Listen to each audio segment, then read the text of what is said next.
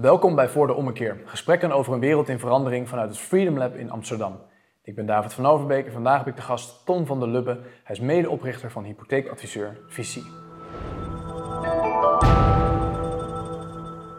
Tom, welkom. Dankjewel. Um, wat doet Visie en wat is jouw rol daarbinnen? Uh, Visie doet hypotheekadvies. Mhm. Dus uh, ja, wat je kent van de hypotheker, dus vergelijkbaar. En wij zijn gespecialiseerd op uh, jonge academici in de Randstad, vooral starters. Dus als ik een huis wil kopen, dan moet ik bij jou eigenlijk zijn? Dat is, ja, dat klopt. En jij kan me adviseren bij het aankopen, het kiezen van de juiste hypotheek? Ja. ja.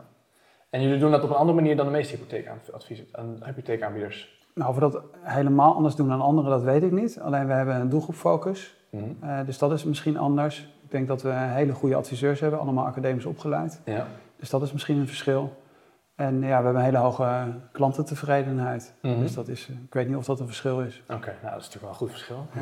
Ik, ik, woon in de stad en ik zie veel om me heen dat mensen problemen hebben en last, last hebben van de huizenmarkt, moeite hebben om een huis te kunnen kopen. Voornamelijk starters, mensen die net afgestudeerd zijn, een huis willen kopen, in de stad willen blijven wonen. Hoe adviseer jij hen?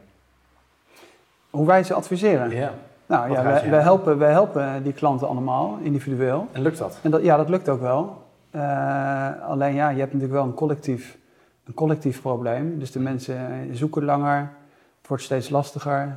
De huizenprijzen stijgen en stijgen. Mm -hmm. Dus even los van het feit dat wij voor iedere individuele klant op de duur een oplossing vinden, ja, is het collectieve probleem wat er is, dat is natuurlijk daarmee nog niet opgelost. Nee, maar uiteindelijk vind je wel voor iedereen een huisje wat bij hem past, hem of haar past. Ja, ja. dat lukt. Oké, okay. en dat is een fenomeen zoals uh, de, de, de, veelbesproken jubelton bijvoorbeeld. Het, het fenomeen dat, dat kinderen uh, van hun ouders een bepaald bedrag meekrijgen om, om een huis uh, wat ze willen kopen te, kunnen, te kunnen kopen. Um, heb je veel van dat soort klanten die ook met dat soort vraagstukken bij je terechtkomen? Ja, we hebben daar zelfs onderzoek naar gedaan. Het blijkt dat 1 op de 2 klanten, 50% van de klanten, wel ondersteuning van de ouders krijgt. 1 tot 2 klanten, ja. ja. Dus dat is natuurlijk iets zeker in de grote steden. En Amsterdam is natuurlijk de, waarschijnlijk het meest extreme voorbeeld van. Speelt dat natuurlijk een steeds belangrijkere, belangrijkere rol. Ja, dus dat mensen zelf al een klein bedrag meenemen of een garantie ja. meenemen om ja, vooral de ouders. te kunnen nemen. Ja. Ja. En dan zitten we hier natuurlijk, je hebt ook uh, het boek van Bas van Bavel bij je, een onzichtbare hand. Um, het idee van het gesprek was dat wij, dat jij natuurlijk als hypotheekadviseur, je hebt ook je gedachten over het financiële systeem zelf en over een aantal ja, collectieve problemen waar we tegenaan lopen, wat je het ook al even aanstipte. Um, als we nou eens beginnen bij die, bij die jubelton, die ik net al even opperde.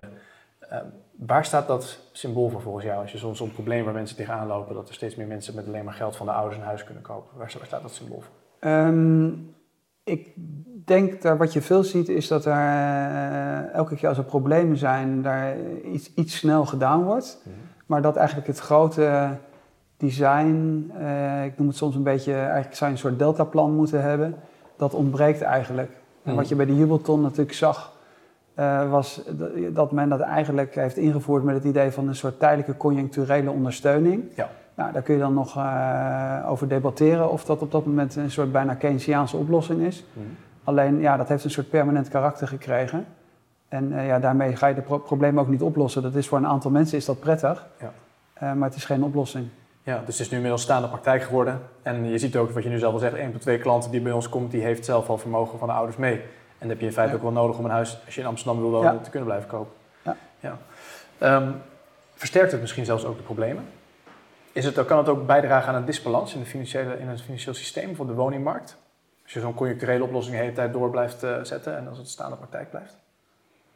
Um, dat weet ik niet. Dat is altijd heel moeilijk te zeggen. Uh, of dat dan weer een prijsopdrijvend effect heeft. Mhm. Uh, ik denk dat je wat dat betreft wat breder dat moet, uh, moet bekijken.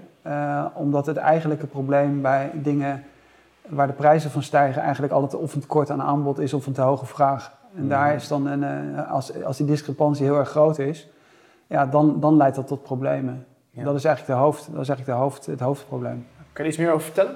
Hoe dat precies in zijn werk gaat?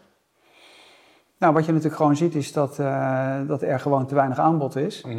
Uh, en en uh, de vraag is te hoog. Ja, dan gaan de prijzen naar boven. Ja, en dan heb je nog wat, wat andere factoren eromheen die dat proces nog versterken. Hè, dat is, ik zal maar zeggen, het Nederlandse systeem van hypotheekrenteaftrek. Mhm. Dat is misschien voor een gedeelte beleggers. dat is voor een gedeelte de, de alternatieve beleggingsmogelijkheden die je hebt als particulier. Dat je zegt van nou, ik krijg al heel lang geen geld op mijn, op mijn spaarrekening. Dan ga ik op een gegeven moment maar een woning kopen en die mhm. verhuren. Dus dat is, is, wat dat betreft is het een complexe materie. Ja. ja, en ook best wel, best wel lastig. Je zou echt eens opnieuw moeten beginnen en dan een witte bladzijde papier moeten nemen en zeggen van ja, wonen is een belangrijk thema. Hoe zou dat er eigenlijk ja, idealitair uit moeten zien? Ja. ja, het is ook mooi dat je het zegt. Er zijn natuurlijk ook veel discussies over de, de, de pandjesbazen of de, de, de, rijke eh, mensen die een tweede huis kopen of een derde of zelfs een vierde, vijfde en dat in BV'tjes onderbrengen en al die pandjes in Amsterdam of Utrecht, andere studentensteden, grote steden kopen. Ehm, en wat misschien interessant is om te kijken naar wat je zegt van we zijn al deze fenomenen die we nu zien, eh, kunnen we die herleiden aan een bepaalde, naar een bepaalde, uh, bepaalde reactie die we zien op de, binnen de politiek, op de, op de financiële crisis bijvoorbeeld en dergelijke, beleid dat wordt uitgevoerd en dat dan staande praktijk blijft of wat dan ook. Maar kunnen we misschien ook kijken naar, is die financiële sector die we nu hebben, of de, de huizenmarkt, is die nog wel in lijn met bijvoorbeeld de idealen van, een, uh, van de verlichting? Het idee waarin een individu, dat hij vrij is voor ieder individu om bij te kunnen dragen en om daar zich maximaal in te kunnen ontplooien. Of sluit het juist bepaalde mensen uit en geeft het juist meer toegang tot bepaalde elites misschien. Ehm, dus het idee van, die, van, de, van witte blad is heel interessant erin. Als, als jij dan begint met zo'n wit blad, hè, laten we die uitgang, dat uitgangspunt nou eens nemen van die, van die verlichtingsidealen. Hoe zou dan zo'n financiële sector volgens jou in beginsel uit moeten zien? Waar zou je dan beginnen met na te denken in die, aan, in die tekentafel als we weer voor dat witte blad staan? Waar beginnen we dan weer met opnieuw erover na te denken? Ehm, ja, ik vind de verlichting, ik ben, ik ben historicus, dus wat dat betreft ben ik misschien een beetje vreemde eten in de bijt in die financiële sector. Maar als je natuurlijk met de verlichting begint en ook met de idealen van de, van de Franse revolutie, ja, dan kun je daar natuurlijk wel uh, eens echt over nadenken en zeggen, ja, hoe is het met de gelijkheid of gelijke kansen? Uh, en, en, en hoe is het eigenlijk ook met de solidariteit? Mhm. en, dan, en dan als je dan bijvoorbeeld naar de financiële sector kijkt of naar de woningmarkt, ja, dan zou je eens moeten, moeten nadenken van wat zijn eigenlijk de uitgangspunten? Uh, en dan als je zegt van nou, wonen is bijvoorbeeld een bepaald recht of je hebt, je hebt het doel dat iedereen fatsoenlijk kan wonen, uh, ja, dan zou dat eigenlijk het uitgangspunt moeten zijn. En dan zou je eens moeten kijken hoe het in het verleden het heeft uitgezien. Mhm. Of wat bijvoorbeeld ook, uh, als je naar de financiële sector kijkt, wat werkt stabiliserend en wat werkt destabiliserend. Ja. En hoe zie jij, hoe zie jij dat vanuit het verleden benaderen? Waar, waar zie je voorbeelden van hoe dat, waar dat goed gegaan is of hoe dat er goed uitziet? Nou, ik denk, ik denk zeker, en dat is, uh, bedoel, daar wordt, natuurlijk ook veel onderzoek naar gedaan. Ik geloof ook dat de Nederlandse bank uh, zich daar meldt, et cetera. Dat natuurlijk een structuur die steeds sterker op elkaar gaat lijken, of banken die niet heel erg van elkaar verschillen, dat dat eerder destabiliserend werkt. Mm dan als je bijvoorbeeld weer terug zou gaan naar het verleden en zou zeggen van, je gaat echt kijken dat je verschillende soorten banken hebt. Hè? Dus bijvoorbeeld wat dat betreft is natuurlijk de Rabobank met de coöperatieve traditie dat, dat is, ja, coöperaties die werken stabiliserend. Mhm. Handelsbanken, dat is weer een, heel ander, een hele andere tak van sport. Ja. Uh, hypothekenbanken, uh, als je dat bijvoorbeeld weer zou scheiden, dat, is ook, dat, dat stabiliseert ook.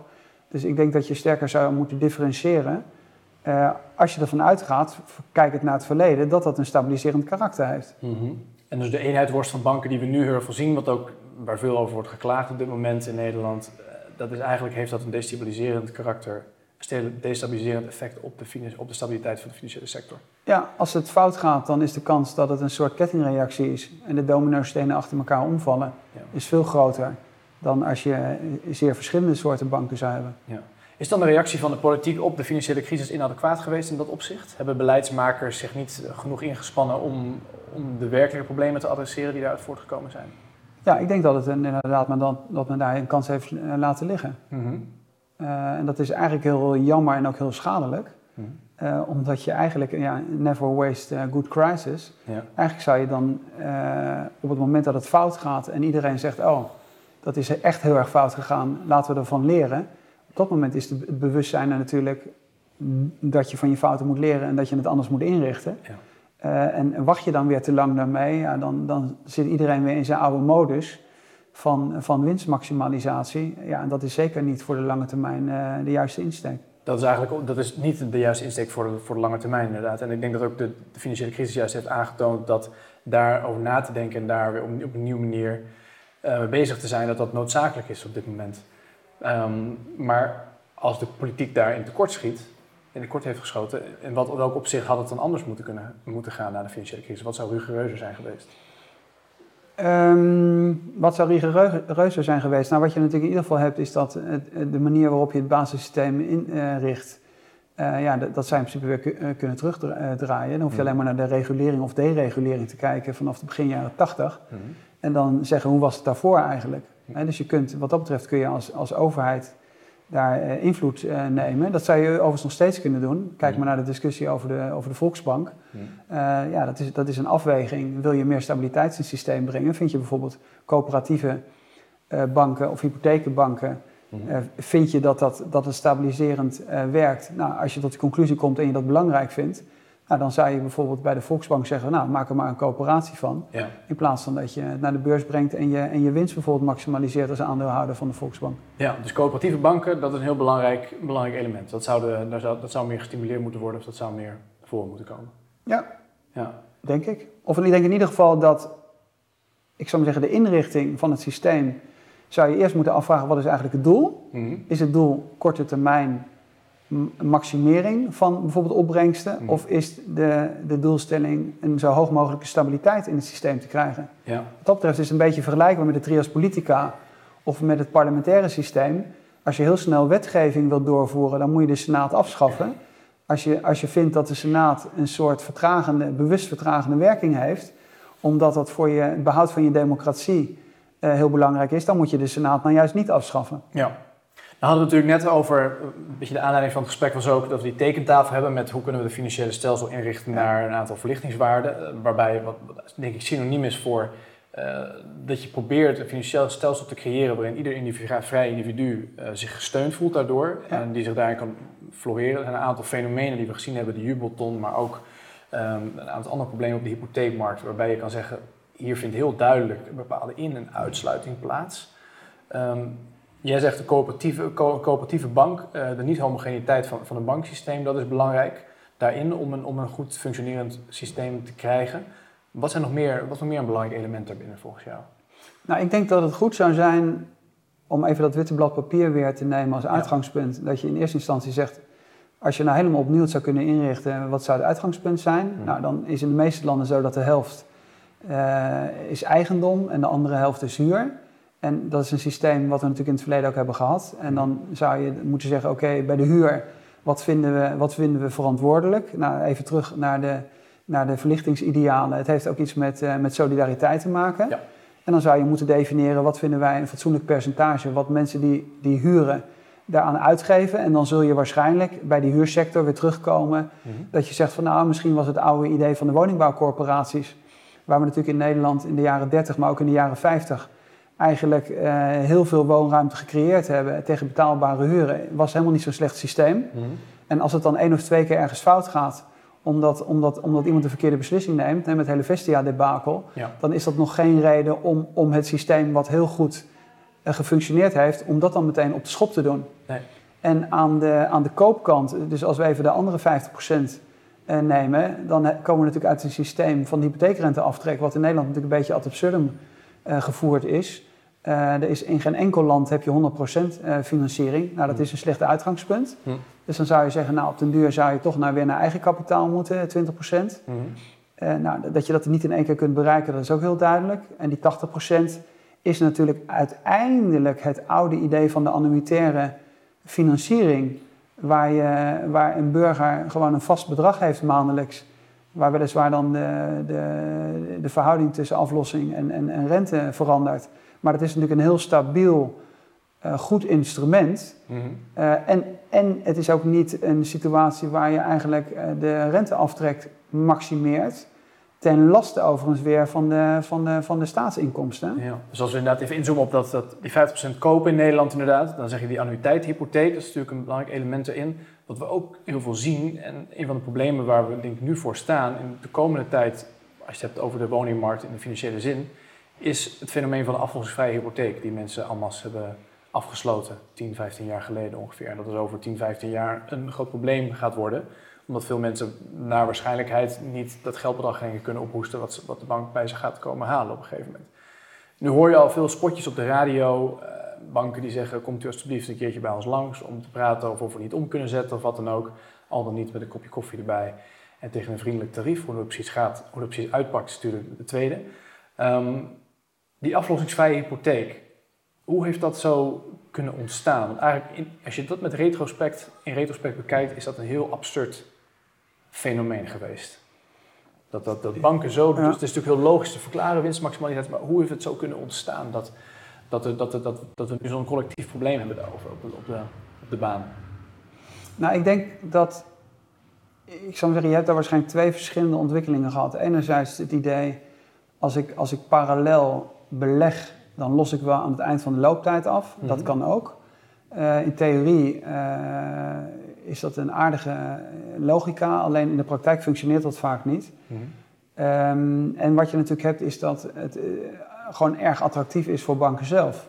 want als je natuurlijk aan het einde van de looptijd aflost en elke keer maximale hypotheekrenteaftrek voor de klant hebt, dan betekent ook dat die renteinkomsten ook gemaximeerd zijn over de hele looptijd. Mm.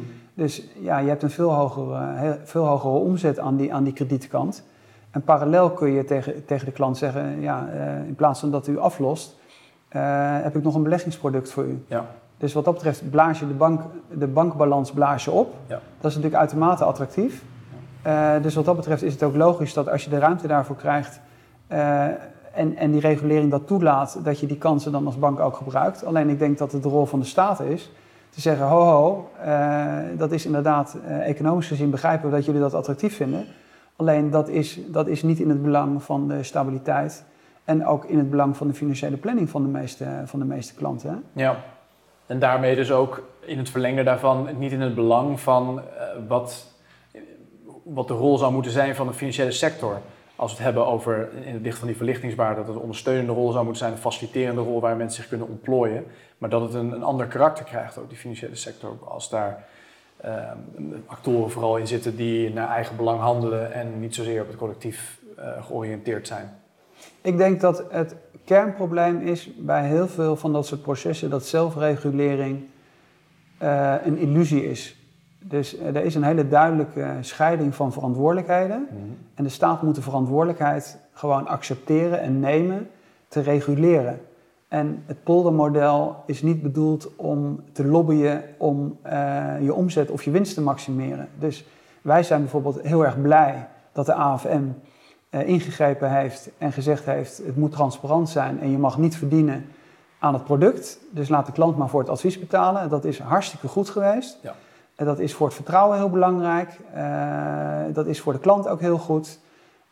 en het wordt ook heel duidelijk wat een klant waarvoor betaalt. Mhm. Dus waarom, waarom zou dat voor andere processen niet net zo gelden? Ik denk ook niet dat je, dat je kunt verwachten dat banken die nou eenmaal de aandeelhouders uh, hebben en die aandeelhouders hebben het, ja, het belang dat ze zelf hun, hun opbrengsten willen maximeren. Dus daarmee, dat is het mandaat wat ze krijgen van hun aandeelhouders. Je mag niet verwachten dat zij, als je ze uitnodigt aan tafel, dat zij een andere positie gaan innemen en zeggen van nee, nee, ik wil helemaal niet zoveel omzet maken of ik wil helemaal niet zoveel geld verdienen. Ja. Dat, zou een hele gekke, dat zou heel gek zijn. Ja. Nou is natuurlijk wel dat eh, in die discussie over de, de, de, de, de aflossingsvrije hypotheek wordt natuurlijk ook nog wel eens gezegd, ja, het zijn niet alleen maar die banken geweest die, uh, die daar in fout zijn gegaan. Ook de consument was natuurlijk wel erg lekker om gewoon een hele lage maandlast te hebben en zo'n aflossingsvrije hypotheek te nemen en net even iets boven je stand te wonen of een huis te nemen wat net buiten je bereik was en wat dan in één keer wel toegankelijk was. Um, is het, dit gedrag wat daaruit voortkomt, uit, uit, uit in zo'n dynamiek, dat is ook iets waar, eigenlijk, waar het heel moeilijk is om te wijzen naar één instituut, lijkt mij toch? Om te kunnen zeggen, daar ging het echt verkeerd. Mm, nee, ik denk, dat is altijd het probleem. Dat, ik zou zeggen, dat probleem is altijd complexer. En dat heeft de consument heeft daar natuurlijk zelf ook, kun je zeggen, aan, dat je aan zijn verantwoordelijkheid moet appelleren. Ja, alleen, alleen, ik denk dat, dat ik zou maar zeggen, in onze samenleving wij ook een hele hoop andere dingen met elkaar afspreken. Mhm. Eh, neem bijvoorbeeld uh, verplichte ziektekostenverzekering. Daar laten we het ook niet aan de burger zelf over en zeggen van ja, beste burger, uh, als jij slim bent en je verantwoordelijkheid draagt, dan, dan ga je dat, dan ga je dat zelf afsluiten. Of als jij mhm. auto rijdt, dan moet je ook verzekerd zijn. Dus, en de schoolplicht hebben we ook ingevoerd en dan kun je nog een hele hoop andere dingen noemen. Dus ik, ik, ik zou helemaal niet weten waarom je niet als staat bij een aantal van dat soort basisprincipes gewoon kunt zeggen, dat hebben wij met elkaar afgesproken. Het vereenvoudigt het heel sterk. Net zoals we een rechtssysteem hebben of verkeersregels. Dus waarom zou dat voor dit soort dingen niet net zo mogen gelden? Ja. En is het dan zo dat, dat de overheid daar ver genoeg in is gegaan na de financiële crisis? Dus jij zegt al, er was toen uh, die, bijvoorbeeld de rol van hypotheekadviseur en hypotheekverstrekkers uit elkaar gehaald door de overheid. Eigenlijk van, mm -hmm. van rechtswegen verplicht van, omwille van die transparantie, ja. zodat voor consumenten transparant, transparant wordt wie precies welke hypotheek je moet nemen, uh, maar ook welke hypotheken er zijn en dat niet daar allerlei verstrengelde belangen zitten en dergelijke die misschien niet in het voordeel van de consument zijn. Is dat, dat is een voorbeeld denk ik van hoe het goed is gegaan, maar is de overheid daar ver genoeg in gegaan? Of zijn dingen nog vooral bij het oude gebleven? Fundamenteel. Nou, ik denk dat, dat dat juist een positief voorbeeld is. Het scheiden van advies en, en nee, uh, kosten in het product. Ja. Dus dat is een heel, heel goed voorbeeld. Alleen ik denk dat bij andere, bij andere dingen dat je daar inderdaad eens een vraagteken achter mag uh, zetten mm -hmm. bij regulering. Ik denk bijvoorbeeld het idee dat, er, dat je makkelijk kunt schikken als bank uiteindelijk tot een gedrag leidt dat het gewoon ingepriced wordt in je, in je, in je calculatie. Dus ik denk dat bijvoorbeeld als je zou zeggen van nee, je hebt geen schikking, mm -hmm. dat je dan bijvoorbeeld veel geringere compliance kosten uh, zou hebben. Omdat als je er rekening mee moet houden dat je uiteindelijk dan toch uh, als je aangeklaagd wordt, hè, of het nou een witwasschandaal of wat dan ook, achter de tralies belandt, ja. of, of, je, of je vergunning kwijtraakt, uh, dat je dan wel zorgt uh, dat je de boel op orde hebt. Dus wat gewoon zo'n bedrijfsrisico ingecalculeerd wordt in feite. Ja, tuurlijk. Wat dat betreft, als jij een restaurant hebt en, en, en er komt de Keuringdienst van Waren langs en je hebt je keukens niet op orde en je vergunning wordt gewoon, je bent je vergunning kwijt, dan zorg je wel dat je de boel op orde hebt. Of je bent in ieder geval bewust van dat, uh, dat het risico dat je loopt. Ja. En dan moet je daarmee leven. Ja. Maar het is niet zo dat als de Keuringdienst van Waarde langskomt en uh, je keuken is niet op orde en het is een risico voor de gezondheid, dan kun je niet zeggen van nou, als ik jou nou 100 euro betaal, is het dan oké okay dat ik weer verder mag koken. Ja. ja dus, dus, dus ik, en ik denk dat dat ook, ook uiteindelijk voor het vertrouwen in de sector, uh, als je dat veel breder maatschappelijk ziet, ook iets is waar je echt goed over moet nadenken. Mm -hmm. Of of de, de bevolking in het algemeen, uh, of daar überhaupt draagkracht voor is. Ik waag dat te betwijfelen. Ik denk dat iemand die uh, gewoon als burger uh, daarover nadenkt, vindt, die vindt het heel goed dat de overheid de keuringsdienst van waarde heeft en bij een restaurant de vergunning dan wegneemt. En ik denk dat de gemiddelde burger eigenlijk ook wel vindt dat als jij 40 keer gewaarschuwd bent vanwege witwaspraktijken, ja. dat op een gegeven moment je niet, doordat je dan een bedrag overmaakt, dat de boel dan weer opgelost is. Precies, ja. Even terug naar de tekentafel. Dus we hebben nu uh, aan de ene kant niet helemaal garantiteit van, van, van banken als een soort systeem om een stabiel financieel systeem te creëren. Hoe kan je dat doen? Een van die manieren eigenlijk die je zegt, je moet het gedrag van banken veranderen, als ik je goed, als ik je goed begrijp. Waarbij je moet voorkomen dat bepaald gedrag uh, of bepaalde praktijken ingepriced worden in het bedrijfsmodel van een bank. Um, en dat kan je dus niet doen, als ik, nogmaals als ik je goed begrijp, door binnen een bepaald paradigma te blijven. Dus doordat je, als jij met technische oplossingen komt bijvoorbeeld, of je laat banken ermee wegkomen door te laten schikken, dan zul je dit soort gedrag, gedrag zul je in de toekomst alleen maar blijven zien. Moet je er eigenlijk ook niet vreemd van raars bij staan te kijken als het nog een keer gebeurt. Je moet op een andere manier, als je die financiële sector echt stabiel wil maken, moet je ze aanspreken. Hoe, wat zou we nog meer kunnen doen daarbinnen om dat gedrag te kunnen veranderen? Um, nou, ik vind wat dat betreft dat voorbeeld van die keuringsdienst van waarde ook helemaal niet zo slecht. Of ook bijvoorbeeld onaangekondigde bezoeken, et cetera. Ik denk dat het uitgangspunt moet zijn dat je je afvraagt van... vindt de bevolking dat zo'n sector maatschappelijk de verantwoordelijkheid draagt die het zou moeten dragen? Het is toch een soort bijna semi-publieke verantwoordelijkheid die men heeft. Mm -hmm. Uh, en dan zul je, dan zul je ja, eens een lijstje moeten maken. En dan zou je moeten zeggen van nou, wat doen wij in andere sectoren? En, en, en hoe wordt daar uh, de boel op orde gehouden? En, mm. en, en waarom zouden voor de financiële sector andere regels gelden? Ja. Dus, dus als jij andere beroepen hebt en je gedraagt je niet fatsoenlijk, of het nou bijvoorbeeld arts of wat dan ook is, mm. dan mag jij je beroep niet meer uitoefenen. Ja. Dus dan kun je wel zeggen van we gaan een, een eet invoeren, uh, wat veel uh, bureaucratie veroorzaakt. Alleen misschien moet je zeggen, als jij je aan bepaalde spelregels niet houdt, uh, nou, dan, dan, moeten mensen maar over nadenken hoe, hoe, sterk ze dat dan willen definiëren. Dan kun jij in principe ook gewoon een soort beroepsverbod krijgen of je licentie kwijtraken. Ja, dus Waarom het feit, niet? Dus het feit dat er gewoon individuele mensen niet veroordeeld zijn in bijvoorbeeld zo'n ING schandaal, maar dat er gewoon een afkoopsom uh, blijkbaar, dat, dat, dat tot de mogelijkheden behoort, dat zet mensen ook eigenlijk niet echt aan op zo'n bank om rigoureus te veranderen in dat opzicht. Um, Ik zou zeggen, ik kan te weinig inschatten of naar aanleiding van die toch zeer hoge boete, ik geloof dat het de hoogste boete was tot nu toe, wat daar intern op dit moment aan veranderingen plaatsvindt. Uh, alleen ik, ik denk inderdaad dat het feit dat je überhaupt kunt schikken, dat het ertoe verleidt dat je het gewoon in je kostprijs uh, inprijst en dat dat gewoon voor het vertrouwen en ook voor de lange termijn stabiliteit, uh, ja, wat dat betreft gewoon echt funest is. Ja, en dan is het natuurlijk zo dat dit soort gedrag dan symbool staat of breder staat voor een soort ontaarding van een, een mogelijke ontaarding van de financiële sector, waarbij het belang van het individu niet per se centraal staat. Eh, dus de financiële sector niet per se een soort ondersteunende rol heeft voor het individu, maar um, ook een macht gaat uitoefenen daarop. En um, het niet echt meer in lijn is met bepaalde verlichtingswaarden, maar het een soort elitair karakter krijgt. Waarbij het ook de hele duidelijke in- en uitsluitingen creëert en bepaalde mensen heel sterk ervan kunnen profiteren en andere mensen niet. Dat is natuurlijk al misschien de, de pandjesbaas of de eigenaren. Um, dan hadden we natuurlijk ook over Bas van Bavel even kort. En in zijn boek schetst hij heel erg de tendens van dat als die vrije markt is niet zomaar een soort natuurgegeven, maar het is altijd iets wat ondersteund moet worden door bepaalde principes. En als we die principes niet waarborgen, dan kan, zo dan kan precies ontstaan wat we nu eigenlijk beschrijven. Zo'n financiële sector die in het voordeel gaat werken van bepaalde mensen, maar niet ten opzichte van andere mensen. Niet van iedereen, dus niet in lijn met verlichtingswaarden. Um, Bas van Bavel in zijn boek redelijk bezorgd.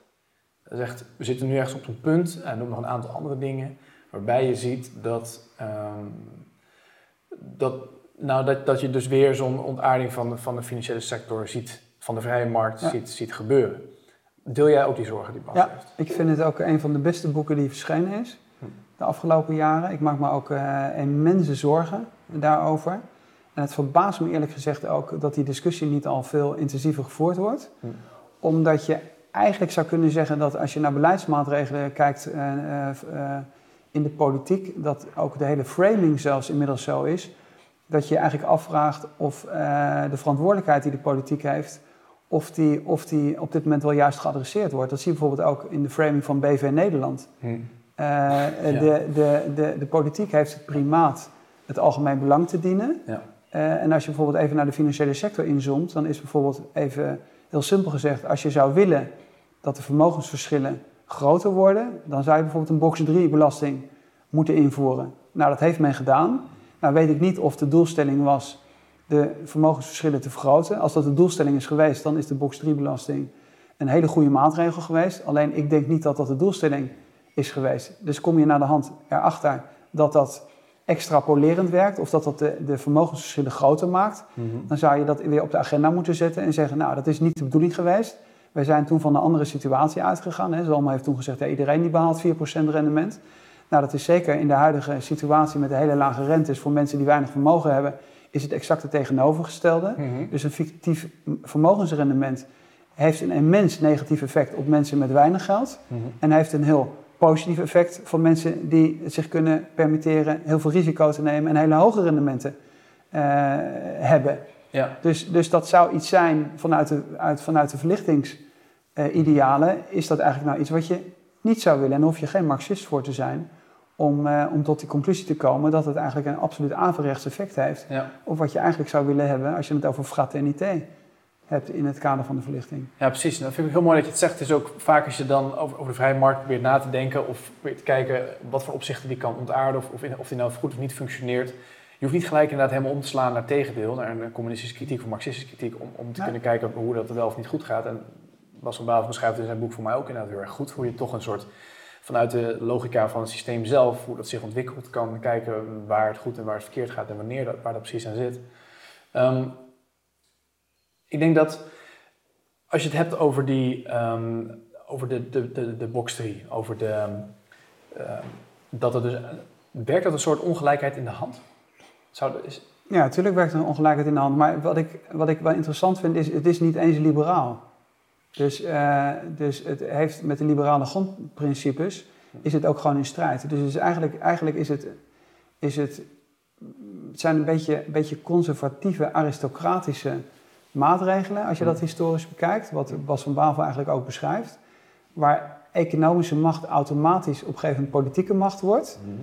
Dus wat er eigenlijk gebeurt is dat uh, maatregelen die worden genomen niet in het algemeen belang zijn of niet in het, in het overgrote belang van, van het grootste gedeelte van de bevolking, maar heel duidelijk uh, een hele kleine groep mensen bevoordeelt, wat overigens op lange termijn voor die groep zelfs ook weer negatief uitpakt. Dat vind ik eigenlijk het interessante aan het boek van Van, van Bavel. Mhm. Maar liberaal is het bijvoorbeeld ook niet. Nee. Maar hetzelfde zie je bij de studiefinanciering. Dat is het, de studiefinanciering uh, was in het verleden veel beter. Uh, naarmate de kosten voor het studeren uh, hoger worden, is dat in strijd met de liberale grondprincipes mhm. van sociale mobiliteit. Mhm. Dus dat heeft ook helemaal niks te maken met, met links. Het is ook in strijd met de liberale grondprincipes. Ja, en zo'n box 3, dat is dus eigenlijk als je het zegt, hè, van als je dat daar een logische conclusies toe, als het idee was ervan dat het ook een soort ongelijkheid in de wand zou moeten werken, dan is het helemaal geslaagd. Maar dat is natuurlijk eigenlijk niet wat het beoogd idee was daarvan. Hoe dat, toch zo kunnen hoe dat dan toch zo kunnen ontstaan? Ik denk dat uh, het moment dat, uh, dat Zalm en Vermeend uh, dat hebben ingevoerd, was het misschien het idee van, nou iedereen kan eigenlijk wel dat rendement maken en is op dat moment van een rendement uitgegaan wat, wat, wat men realistisch vond, ja. wat achteraf gezien niet realistisch is. Eh, laten we het even in het midden houden of het op dat moment al voor mensen die zeer lage, ik zou maar zeggen, vermogens hadden of kleine vermogens hadden, en het is nu in de overgrote meerderheid, of dat op dat moment ook al realistisch was. Mhm. Maar laten we even vanuit gaan dat, dat hè, ter goede trouw, dat het op dat moment in ieder geval realistischer was dan het op dit moment is. Op dit moment is het in ieder geval zo dat als je kijkt wat mensen op een spaarrekening hebben, uh, dat ze daar niks krijgen, maar wel die fictieve vermogensrendements uh, belasting betalen. Dus, en omgekeerd weten we ook dat als jij met een hele grote leverage en veel vreemd vermogen zeer hoge winsten behaalt mhm. en, daar, en, en ja, je niet een soort speculatiebelasting hebt of mhm. extra progressieve tarieven hebt voor speculatie, dat dat natuurlijk iets is waar, waar ik zou maar zeggen, mensen die met een grote leverage kunnen werken, ja, die, die, ja, voor die is het natuurlijk fantastisch. Ja, dus waar al veel geld zit, dat is ook veel makkelijker om daar nog meer geld te maken natuurlijk. in principe. En dat is natuurlijk een, een, centraal punt in die discussie, is dan dat het niet zou moeten gaan om uh, inkomensnivelatie, maar om, het zou meer moeten gaan juist om de verdeling van eigendom. Dat je, in Nederland hebben we de inkomens redelijk goed geniveleerd, alleen als het gaat over bezit, dan zijn de, de, instrumenten die daar eigenlijk zijn om dat enigszins te corrigeren, of, of de grote verschillen daartussen een beetje recht te trekken, die zijn redelijk mager. Ja, Nederland is natuurlijk wat dat betreft veel ongelijker dan dat de meeste mensen denken. De vermogensongelijkheid is immens hoog. Ja. De publieke verontwaardiging is altijd aan de inkomenskant. Ja. Terwijl je overigens vanuit het liberale idee zou je nog kunnen zeggen, als mensen uit eigen kracht, uh, ik zou maar zeggen, dat bereikt hebben en, en, en, en hoge inkomens hebben, dan zou dat zelfs het misschien helemaal niet zo slecht moeten zijn, of hoeven zijn. Alleen een, een vermogensongelijkheid die zich vastzet en naar de hand eigenlijk getransformeerd wordt in politieke macht, en dat is wat Van Bavel beschrijft, ja. dat is nou juist wat je eigenlijk vanuit maatschappelijk oogpunt niet wilt. Ja. Zien we dat nu ook op dit moment? Kan je, kan je een voorbeeld noemen van waar we dat echt precies waar we dat zien gebeuren nu? Dat de economische macht eigenlijk overloopt in politieke macht? Nou, wat dat betreft is natuurlijk de discussie over de dividendbelasting en de invloed van, uh, van grote corporates. Uh, is natuurlijk een voorbeeld wat elke Nederlander heeft gezien. En waar de publieke verontwaardiging op een gegeven moment uh, dan uiteindelijk ertoe heeft geleid dat het gecorrigeerd is. Dat heeft de politiek op dat moment verkeerd ingeschat. Mm nou, dan kun je zeggen, nou, blijkbaar vond de bevolking, had daar dus een andere mening over. Alleen er zijn natuurlijk heel veel processen waar, waar dat eigenlijk sluikend gebeurt. En wat, wat eigenlijk geen publiek debat is. Mhm. En wat je natuurlijk ziet is dat, dat die vermogensongelijkheid zo hoog is... dat je echt moet afvragen of dat, of dat in het belang is van de overgrote meerderheid. Mhm. Dat is het natuurlijk niet. Mhm. En, maar zelfs, Bas beschrijft ook, Bas van Bavel beschrijft daarin ook in zijn boek dat uh, het, als, als je een soort situatie krijgt waarin de vrije markt ontaardt en alleen maar het voordeel is van een bepaalde elite, een economische elite die ook politieke macht gaat verkrijgen, dan gaat ze ook zichzelf uiteindelijk ondergraven. Omdat je zoveel uh, ongelijkheid krijgt tussen mensen en zoveel verschillende ervaringen over ongelijkheid in de zin van welke toegang biedt de vrije markt me eigenlijk om mijzelf te kunnen ontplooien. Wat een hele liberale gedachte zou zijn in theorie, maar wat dan niet wordt gerealiseerd.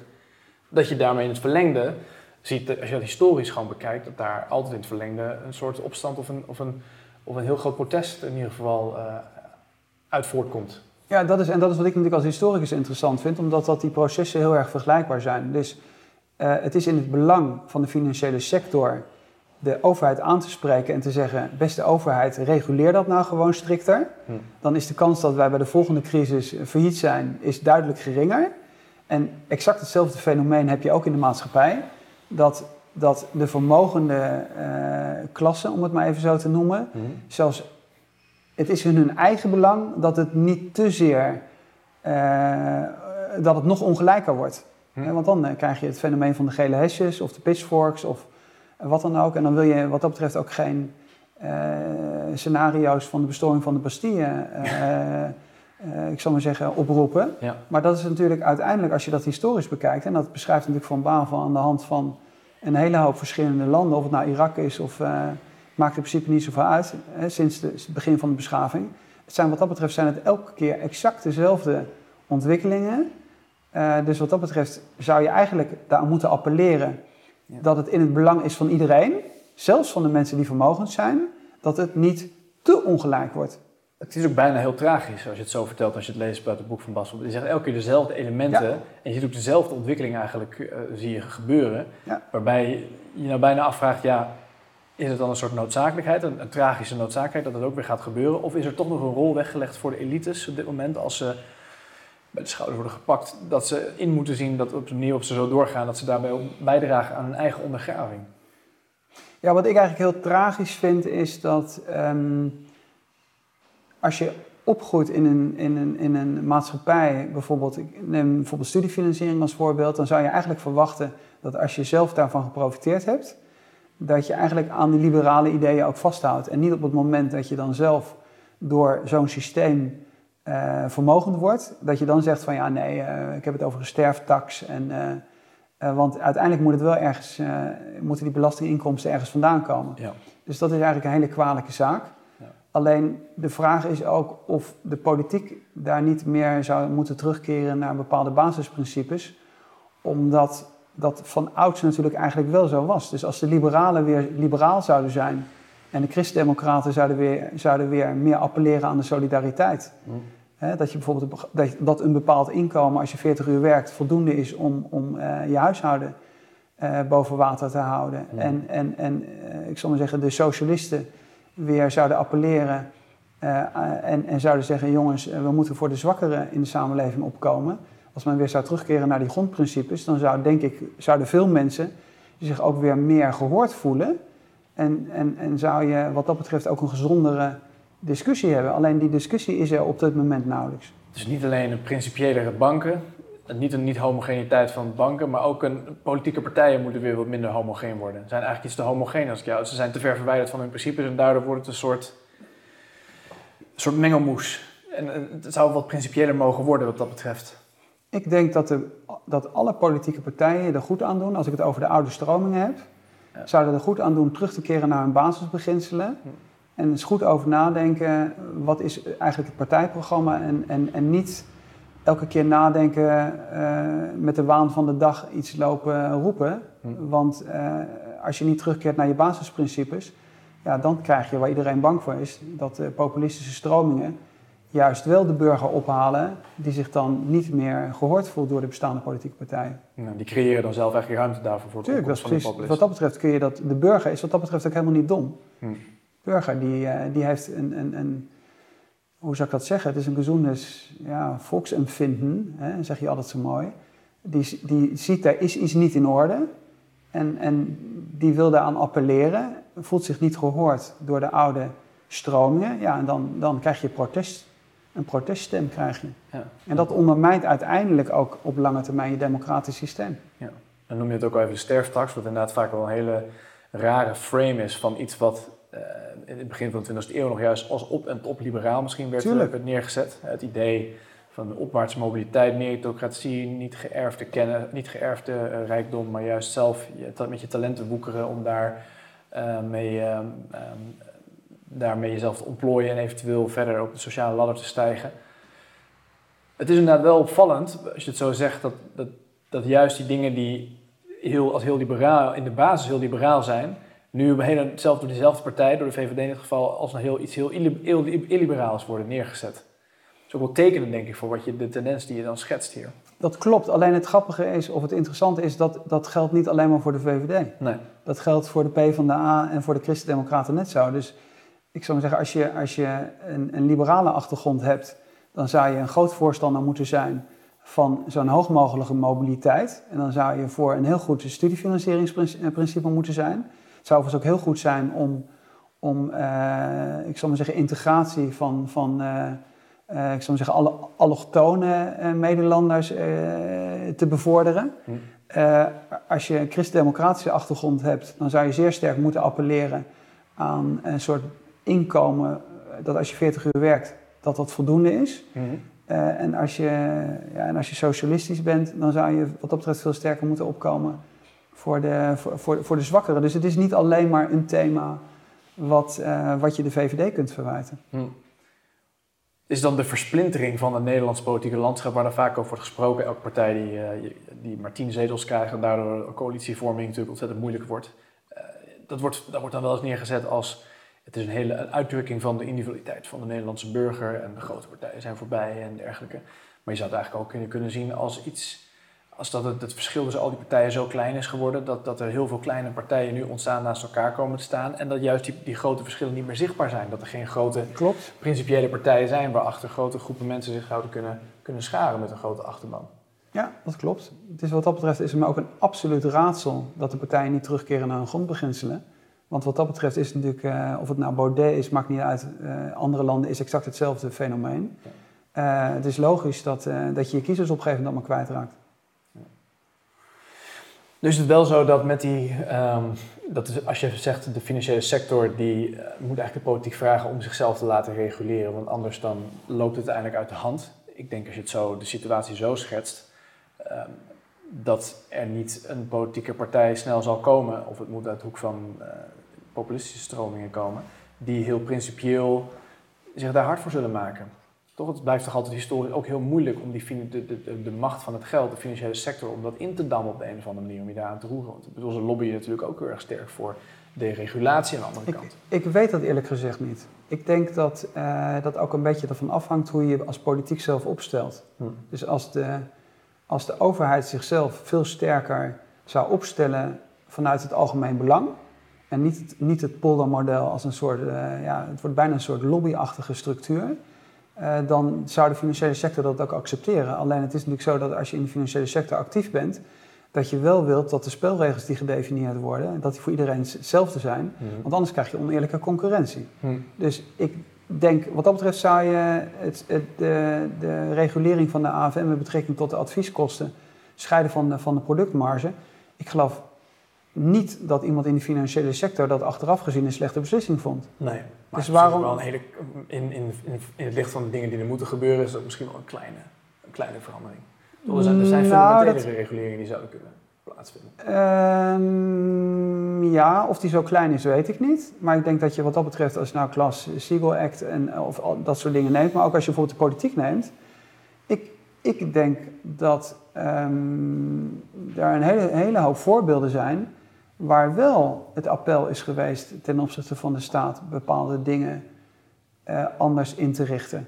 Wat dat betreft zie je, uh, als het om grondwetten gaat of politieke macht, neem bijvoorbeeld het Amerikaanse, het Amerikaanse bestel, het feit dat mensen zo slim waren om te zeggen, als reactie op de aristocratie, dat willen we niet meer, wij beperken de aantal, het aantal periodes voor een president tot twee. Mm -hmm. Nou, de mensen die dat op dat moment besloten hebben, die hadden zelf al kunnen zeggen, wij zijn zelf zo alwetend, wij gaan dat op dit moment niet invoeren. Ja. Dus ik weet helemaal niet of dat, of dat zo is. Wat dat betreft is bijvoorbeeld direct na de financiële crisis, is de Rabobank bijvoorbeeld zelf gekomen met het voorstel van de annuitaire financiering. Mm -hmm. ze zijn, er zijn stemmen uit de bankwereld geweest. Ik geloof zelfs dat het uh, de CEO van Goldman was. Die heeft gezegd van ja, je zou eigenlijk gewoon weer onmiddellijk nu de kansen moeten benutten om dat sterker te, te reguleren. Dus ik ben daar. Het hangt er ook een beetje vanaf hoeveel ruimte geef je eigenlijk de spelers. Ja. En ik denk dat een hele hoop andere sectoren. Neem bijvoorbeeld milieueisen. Er zijn een hele hoop bedrijven die, zijn, die weten dat als ze zelf, als er sterke milieueisen zijn, dat ze daar op lange termijn zelf baat bij hebben. Ja. Uh, omdat, omdat uiteindelijk die hele sector, als je machines produceert, daarvan uh, van profiteert. Zekerheidsvoorschriften. Heeft, heeft, de, heeft de branche iets tegen KEMA-keur? Hm. Ik denk dat de mensen die elektrische apparaten produceren, uh, het helemaal niet erg vinden dat daar een strenge kwaliteitscontrole plaatsvindt. Omdat dat ertoe leidt dat je weet dat een gebruiker jouw product kan gebruiken zonder dat hij een stroomstoot krijgt. Ja, natuurlijk, natuurlijk. En dan zeg jij, er zijn natuurlijk voorbeelden, zat, eh, voorbeelden uit de geschiedenis ook waarin je kan zien dat politici dat eigen belang overstijgen. En dus ook in, tegen hun eigen belang in bepaalde wetten doorvoeren. Dat, dat voorbeeld van de Amerikaanse grondwet, wat je met de, het beperken van de ambtstermijnen van de president. Ehm, als jij als historicus met die bril daarnaar kijkt, en tegelijkertijd het boek van Bas van Bavel in de achterhoofd, wat eigenlijk, waarvan we tot nu toe eigenlijk zien dat het een soort tragische ontwikkeling is. Dat er eigenlijk niks aan kan worden gedaan en dat die vrije markt uiteindelijk ook ergens weer ondergaat en weer op moet komen. Wat zou op dit moment moeten gebeuren om, een soort politieke um, voorwaarden te creëren, als het ware, waarbinnen dat er weer terug kan worden gekeerd naar, die, naar, die, um, naar de grondprincipes van bepaalde politieke partijen? Dat politiek weer wat, wat niet, niet, niet, niet tandeloze tijger is, maar juist echt weer stevig wat, wat dingen kan veranderen in de financiële sector. Wat zou daar voor nodig zijn? Ik denk dat je met wat mensen aan tafel zou moeten gaan zitten die meer aan de wetenschappelijke bureaus van de politieke partijen actief zijn. Uh, en het proces zou moeten scheiden en zou moeten zeggen: oké, wat, wat, wat is het uitgangspunt van de, van de desbetreffende politieke partij? En dan tot een soort nieuwe pacificatie zou moeten komen, zoals je dat hebt gehad in 1919 waar de schoolstrijd uitgeruild wordt tegen het algemeen kiesrecht. Mhm. Maar dat je, dat, je, dat je dat duidelijk van elkaar scheidt. En dat je dan, en dat, dat is mijn definitie van Polder-model, dat je eerst, dat je dan respect hebt voor een andere positie. En dat je dan een compromis op een ander niveau sluit. Mhm. En dat is natuurlijk in het verleden bij de pacificatie met het algemeen kiesrecht tegen de schoolstrijd, is dat heel effectief geweest. Mhm. En dat zou je eigenlijk opnieuw moeten doen. En dan zou je moeten zeggen, uh, bijvoorbeeld in, in, in de financiële sector, dan zou je kunnen zeggen, je ruilt afschaffing van de hypotheekrenteaftrek, uh, ruil je uit tegen een eenvoudiger belastingssysteem. En je zorgt voor sociale mobiliteit. En dan, dat is weer iets wat eigenlijk op de agenda ook van een aantal partijen zou moeten staan. En je zou opnieuw weer definiëren wat is eigenlijk een, een, een fatsoenlijk bestaansminimum. Hè, wat eigenlijk een klassiek CDA-thema is. En dan zou je met elkaar een soort ja, eigenlijk een soort overeenkomst moeten sluiten en zeggen van nou, dat is een soort, een soort eigenlijk is het civil society. Uh, ik, het, is, niet een soort sociaal contract, maar het is meer een civil society. Waar je zegt van nou, als we eigenlijk op lange termijn stabiliteit willen hebben in ons politieke systeem, dan zou dat eigenlijk iets moeten zijn waar we het met elkaar over eens zijn. In plaats van permanent eigenlijk een soort populistische verkiezingsdebat voeren, uh, waar we eigenlijk helemaal geen millimeter mee opschieten. Ja, goed. Tom van der Lubbe, Bedankt voor het gesprek. Dankjewel.